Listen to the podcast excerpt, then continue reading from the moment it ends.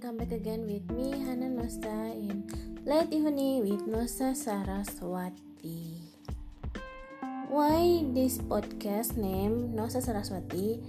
It's uh, it's combined by my name, my second, my surname, uh, but I combine it so it its name Nosa Saraswati, my podcast.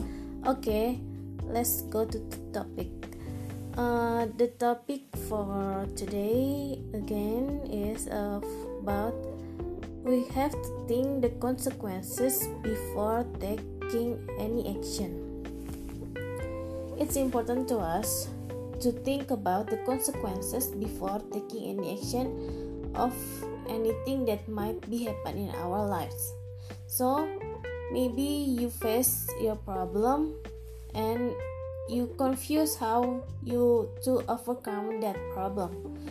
The answer is when you think what you have to do to, to taking action for that problem you have to think about the consequences of the action before you taking it.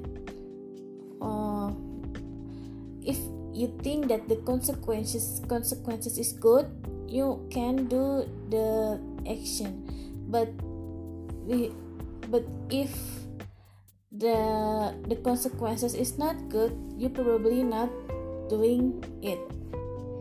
You can compare the the consequences how good it is how bad it is before you taking any action.